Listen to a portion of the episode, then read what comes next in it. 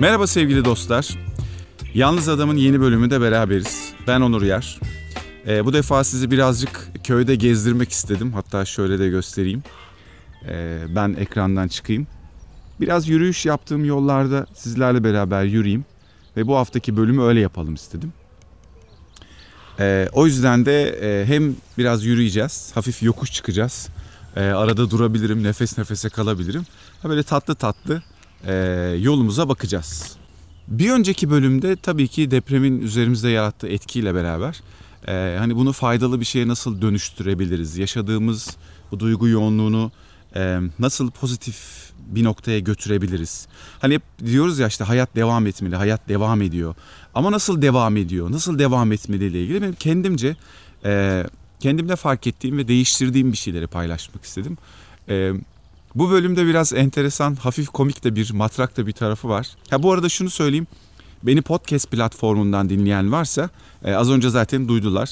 E, bunu aslında video olarak yapıyorum ve e, buradaki sesi de podcast platformunda paylaşacağım ama e, hani köydeki e, bir dakika şu havlayan köpeği göstereceğim size ya. Bak şimdi bak. Gel buraya. Seni yaramaz. Gel.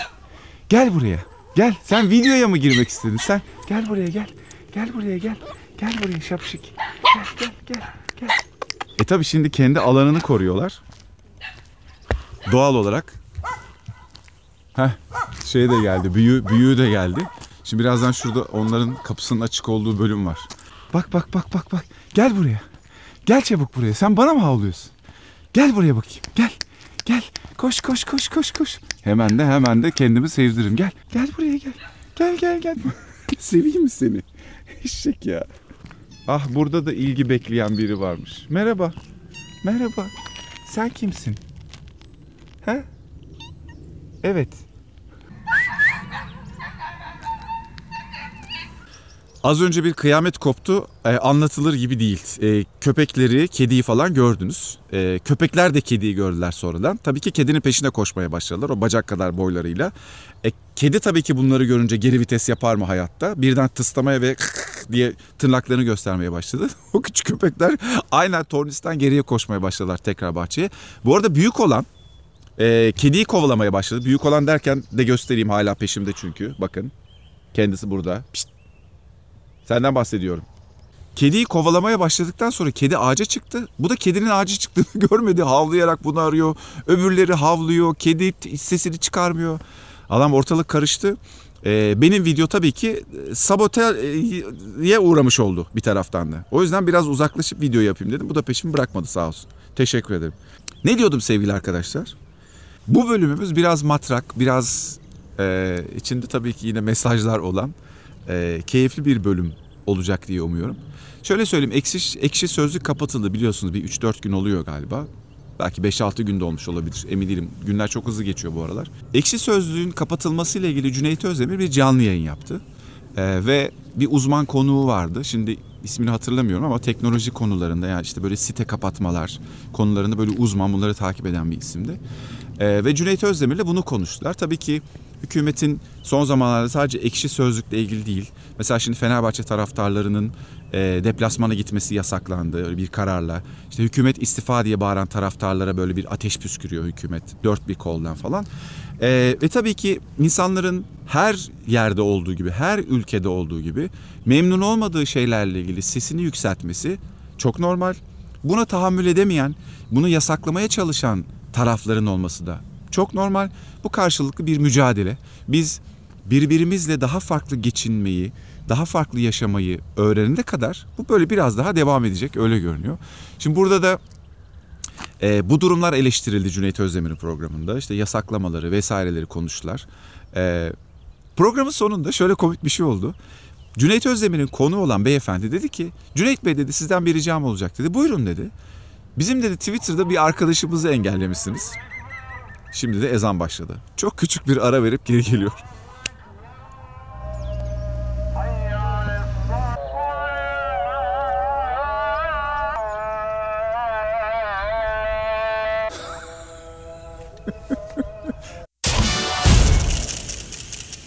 Evet arkadaşlar ezan da bitti. Ee, eğer başka bir şey kalmadıysa programımıza devam edebiliriz derken bu arada karşı taraftaki köydeki camide okumaya başladı. Bu arada tabii ki 2-3 tane cami e, farklı farklı zamanlarda başladı ezan okumaya. Şimdi bu tepenin öbür tarafındaki caminin de sesi gelmeye başladı ama o çok uzakta olduğu için e, yalnız kendimi Kahramanmaraş Belediye Başkanı gibi hissettim. Geçenlerde biliyorsunuz canlı yayına katıldığında ezan okuyunca birden canlı yayında susmuştu kendisi. Her neyse ne diyordum Cüneyt Özdemir. Şimdi programın sonunda Cüneyt Özdemir'in konuğu dedi ki ya Cüneyt Bey sizden bir ricam olacak dedi. Buyurun dedi Cüneyt Özdemir de. Dedi ki bizim arkadaşlarımızdan işte ismini hatırlamıyorum şu anda. Onu dedi Twitter'dan engellemişsiniz dedi. Onun engelini kaldırabilir misin? Yani bunu bir tekrar bir düşünebilir misiniz? diye bir ricada bulundu. Cüneyt Özdemir de böyle bir gülümsedi. Tabii dedi ben hani ismini alayım bakarım yani niye engelledim hatırlamıyorum şimdi. Ne oldu da engelledim, neye kızdım ya da bazen insan tahammül edemiyor. İşte e, söylenenlere, konuşulanlara ya da eleştirilere o anda öyle bir, bir şey oldu herhalde engelledim dedi. Şimdi böyle söyleyince ben böyle bir gülümsedim. Ee, bilmiyorum siz aradaki bağlantıyı fark ettiniz mi? Yani ekşi sözlük yasaklamasıyla ya da hükümetlerin, kurumların e, kendilerini korumaya almak maksadıyla hükümranlıklarını biraz daha sürdürebilmek, halkın öyle her şeyde bilmemesi e, yoluyla biraz daha sürdürebilmek maksadıyla yaptığı yasaklamayla bireysel olarak birilerini engellemek, e, ne bileyim bazı numaraları engellemek, bazı insanları engellemek, sosyal medyada kendimizi korumak maksadıyla ya da başa çıkamadığımız için engellemek birbiriyle ne kadar benziyor? Fark ettik mi acaba bunu? Birbirinden çok farklı gibi görünüyor olabilir. Ya Onurcuğum şimdi biri bir yasakçı bir zihniyetle ilgili diğerine de adam yani hani o kadar çok troll var konuşan var ki yani kendini korumaya almış gibi de gelebilir size. Halbuki davranış yani niyetimiz temeldeki endişemiz, korkumuz, canımızı sıkan şey aynı. İkisinde de kendimizi iyi hissetmek, kendimizi korumaya almak, bizim canımızı sıkan insanları, kurumları bir elimizle itmek, uzaklaştırmak. Yaptığımız şey aslında bu. Birbirinden çok da farklı değil. Bu konuyu çözmek yerine yani insanları engellemekten ziyade bu konuyu başka nasıl çözebilirim yerine yasaklamak, işte görmezden gelmek, silmek, ötelemek daha çok yaptığımız şey. O yüzden aslında toplum olarak e, kurumlardan, insanlardan, yapılan işlerden şikayet ederken kendimize de dönüp bakmamız gerekiyor. Çünkü bir önceki programda aslında bir e, hani harcımıza ne katıyoruz diye bir cümle kurmuştum. Dünyaya ne ekliyoruz, ne katıyoruz, bu toprağa ne ekiyoruz? Çünkü biçtiğimiz şeye bakarak aslında ektiğimiz şeyi de görebiliriz. Yani bu yasaklamayı, yasaklamacı zihniyeti, bu insanların özgürlüğünü kısıtlama halini sadece belli kurumlara, onlara vurarak üstesinden gelemeyiz. Bireysel olarak kendimize dönüp bakmamız gerekiyor. Bu e, aile içinde sohbet ettiğimiz insanlar olabilir, e, iş yerinde Yine bir kavga gürültü var. Sanıyorum kedi bahçeye tekrar girmiş olabilir. E, bu iş yerinde bir işte müdürüzdür, çalışanımıza benzer bir şey yapıyoruzdur. Çalışanızdır, müdürümüze benzer bir şey ya da çalışma arkadaşımıza benzer bir şey yapıyoruzdur. Köpeğimize benzer bir şey yapıyoruz. Ya köpeği bağlamak mesela köpekten konu açıldı. Başa çıkamayınca bağlamak. Onun çözümü yerine bu tabii ki şöyle bir şey yapmıyorum yanlış anlaşılmasın. Yani insan eleştirisi yaptığım bir program değil bu. Yani bu, burada birbirimizi eleştirelim anlamında söylemiyorum. Sadece fark edelim diye söylüyorum. Yani çünkü şikayet ettiğimiz şey bizde de varsa, toplumun genelinde varsa bu şikayet ettiğimiz şey devam edecek demektir. Bunu görmeye, farklı alanlarda bunu yaşamaya devam edeceğiz demektir. O yüzden şimdi bazen benim bireyselcilikle ilgili konuştuğum zamanlar farklı işte ortamlarda bunlar rahatsız olanlar olabiliyor. Yani bireysel değil el ele vermeliyiz, birlikte olmalıyız işte e, ne bileyim hmm, organize olmalıyız işte sendika ruhuyla toplu e, ruhla hareket etmeliyiz. Tamam bu okey bunu yapalım bunda bir sakınca yok ama bireysel olarak da dünyaya ne ektiğimize ve ne biçtiğimize de bakalım. Bu çok önemli bir şey. Ben bunu çok önemsiyorum. Çünkü biz bireylerden oluşuyoruz. Yani toplum dediğimiz şey hükümetler, devletler, toplumlar, kurumlar bunlar bireylerden oluşuyor. Bireyler olarak nasıl davrandığımız, hayata nasıl baktığımız, birbirimizi nasıl eleştirdiğimiz, ne gibi yasaklar koyduğumuz, e, sıkıştığımız yerde nasıl davrandığımız çok önemli.